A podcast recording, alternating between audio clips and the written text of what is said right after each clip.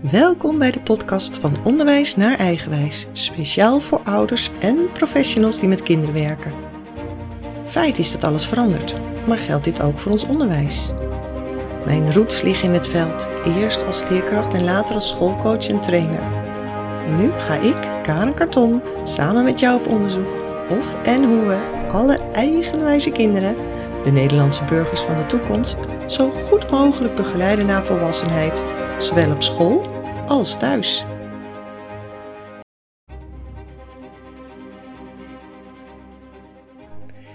Deze aflevering over droomkracht, oftewel zingeving, is één van de invalshoeken van onze krachtstroom. Die bestaat uit onze constante stroom van dromen, denken, voelen en doen.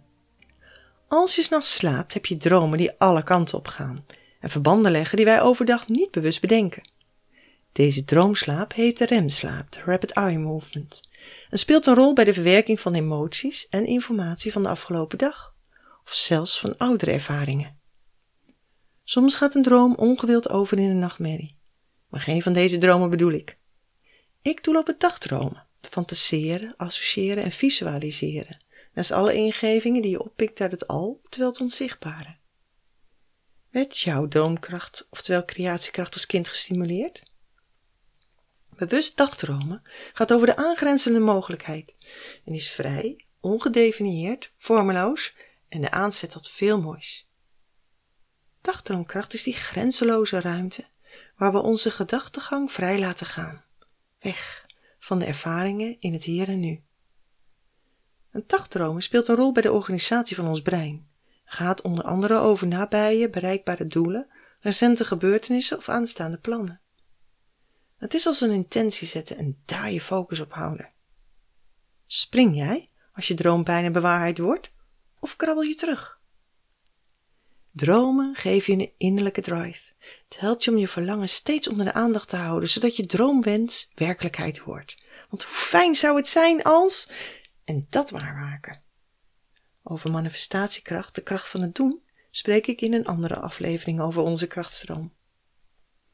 Ieder mens heeft de beschikking over vier gaven, aldus Steve Koffie. Zelfbewustzijn, geweten, onafhankelijke wil en creatieve droomkracht.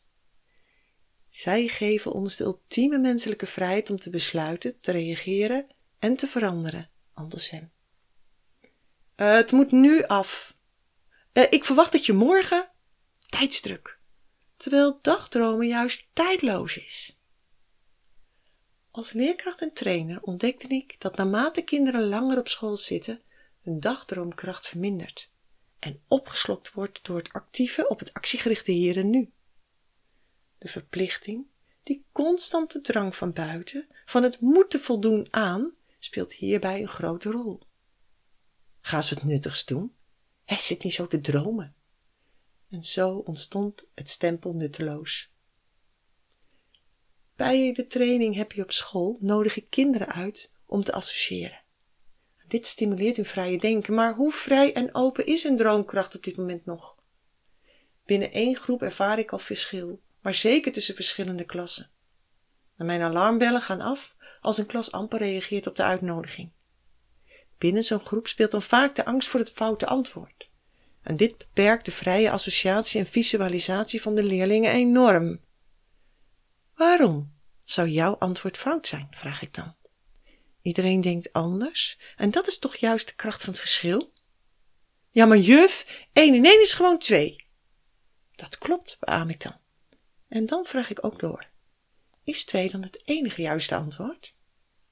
Overtuigd knikken de leerlingen bevestigend en kijken mij verbaasd of ongelovig aan als ik beweer dat 1 en 1 in sommige gevallen ook 3, 4 of zelfs meer kan zijn. Zoals het getal 11 als je twee eentjes direct achter elkaar plaatst. Dat verwart de leerlingen, want ze hebben geleerd hoe het hoort. Maar een echtpaar dat een tweeling krijgt, bewijst toch echt dat 1 en 1 4 kan worden, waar of niet? Een andere oorzaak waardoor het dagstromen vermindert of zelfs stopt, is het moment dat er iets ernstigs voorvalt, een live event, waardoor je in de overlevingsstand raakt.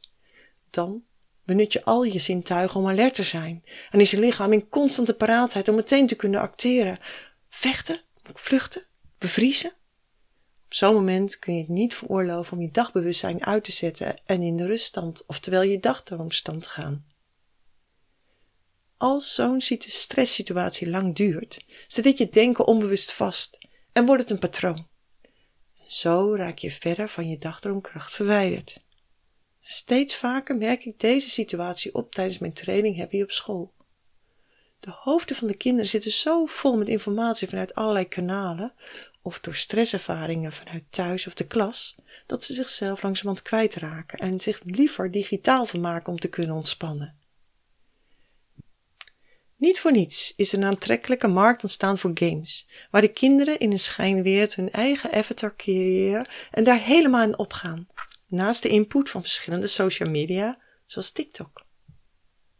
Fantaseren, associëren en dagdromen vraagt om een veilige omgeving. Door je brein de vrije ruimte te geven om te fantaseren, laat je op. Want ontspanning werkt geestverruimend. Je bent op zo'n moment in verbinding met jezelf en met het al. En dat levert jou de energie op om daarna weer met frisse moed aan de slag te gaan en moeiteloos oplossingen te vinden voor uitdagingen op je pad. Sinds het mogelijk is om hersenactiviteit met een scanner te observeren, is er volop onderzoek gedaan en is er meer bekend geworden over hoe het dagdroom precies plaatsvindt. Stuart Kaufman bijvoorbeeld, een theoretisch bioloog, bestudeert het ontstaan van het leven en hoe het leven zichzelf organiseert. Volgens hem kan een volgende stap in de evolutie alleen genomen worden wanneer er geëxperimenteerd wordt met de aangrenzende mogelijkheid. Via dagdromen dus. Want stapje voor stapje moet uitgevonden worden welke combinatie werkt en welke niet. In ons hoofd blijken twee hersengebieden beurtelings actief te zijn. Het ene gebied, het dagbewustzijn, reageert op prikkels uit je omgeving. Als je iets hoort, voelt of ziet bijvoorbeeld. Dit gebied is actief als je bewust en gericht activiteiten doet waarbij je een bepaalde taak uitvoert in interactie met je omgeving. Denk bijvoorbeeld aan koken volgens een recept, uitleg geven of je huiswerk maken. Maar als je nergens speciale aandacht voor hebt of geen specifieke taak uitvoert, worden andere hersengebieden actief. Als je tot rust komt, weg van het hier en nu, reageer je niet meer op prikkels uit je omgeving, maar komen interne, onafhankelijke gedachten en gevoelens naar voren. Daarbij zijn de hersenen dan minstens zo actief als wanneer je gericht met iets bezig bent. Op momenten dat je aan het dagdromen bent, zijn hersengebieden actief die belangrijk zijn bij probleemoplossend denken, zoals de als-dan situaties. Het doorlopen van deze scenario's helpt werkelijk bij het oplossen van een probleem, ook in de klas. Dagdroomkracht kun je ook goed gebruiken om je voor te bereiden op toekomstige situaties. Door in gedachten een bepaalde situatie te repeteren, bereid je je voor op deze gebeurtenis. Bijvoorbeeld voor een toets of een spreekbeurt. Dit heet feed forward. Het visualiseren vooraf en staat tegenover de feedback achteraf. Sporters bijvoorbeeld trainen zichzelf door de wedstrijd voor zich te zien, met een positief resultaat natuurlijk. Juist met dagdromen of associëren stimuleren we de grenzeloosheid, het onbekende met die oneindige mogelijkheden. De ruimte waar een ingeving ontstaat. Als we niet konden dromen, hadden we ook geen intenties en zouden er ook geen ontdekkingen zijn. Of creaties met, van beelden met betrekking tot de kunst. Juist die innerlijke drive maakt dat we blijven proberen, leren en resultaat hebben. If you can dream it, you can do it. Aldus Walt Disney. Als kind heb je maar weinig droomkracht nodig om op de maan te kunnen landen, een draak te verslaan of je een rebelse prinses te wanen die opkomt voor haar volk. En een stok kan, afhankelijk van jouw fantasie, van alles worden. Precies, als jij midden in jouw verhaal niets vermoedig bezig bent om het groza griezelmonster te leren met jouw krachtstok, hoor je eerst vaag maar dan steeds dringender. Doe niet zo gevaarlijk. Loop toch niet zo met die stok te zwaaien. En plop, de betovering is verbroken. Want je juf of buurvrouw interpreteert jouw bewegingen totaal anders. Plotseling sta je weer in de wereld van het hier en nu en realiseer je dat je inderdaad met een gewone stok in de lucht staat te zwaaien. En je laat je arm zakken. Jammer. Net was het nog jouw supersonische telescopische sensor waarmee je het monster ging overmeesteren, zodat. Hm, hoe dit verhaal afloopt, zullen we helaas nooit weten. Het einde van deze droomkrachtexcursie is de vraag wat ons nog tegenhoudt om bewust tijd te nemen om te dagdromen. Ik stel voor dat we dagdromen in ere herstellen en meer tijd vrijmaken om te fantaseren, visualiseren en te mijmeren over al dat is. Wie weet welke geweldige originele oplossingen of grandioze dromen zich manifesteren als we de autonome droomkracht van kinderen bewust stimuleren.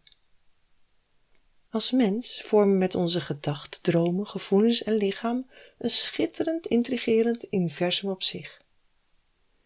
Het geluk lag je toe als alle losse onderdelen samenwerken met de kosmos. Jij hebt de regie over jouw krachtstroom, de levensenergie die oneindig stroomt, waardoor je vanuit jouw eigen rijkdom impact hebt op de wereld.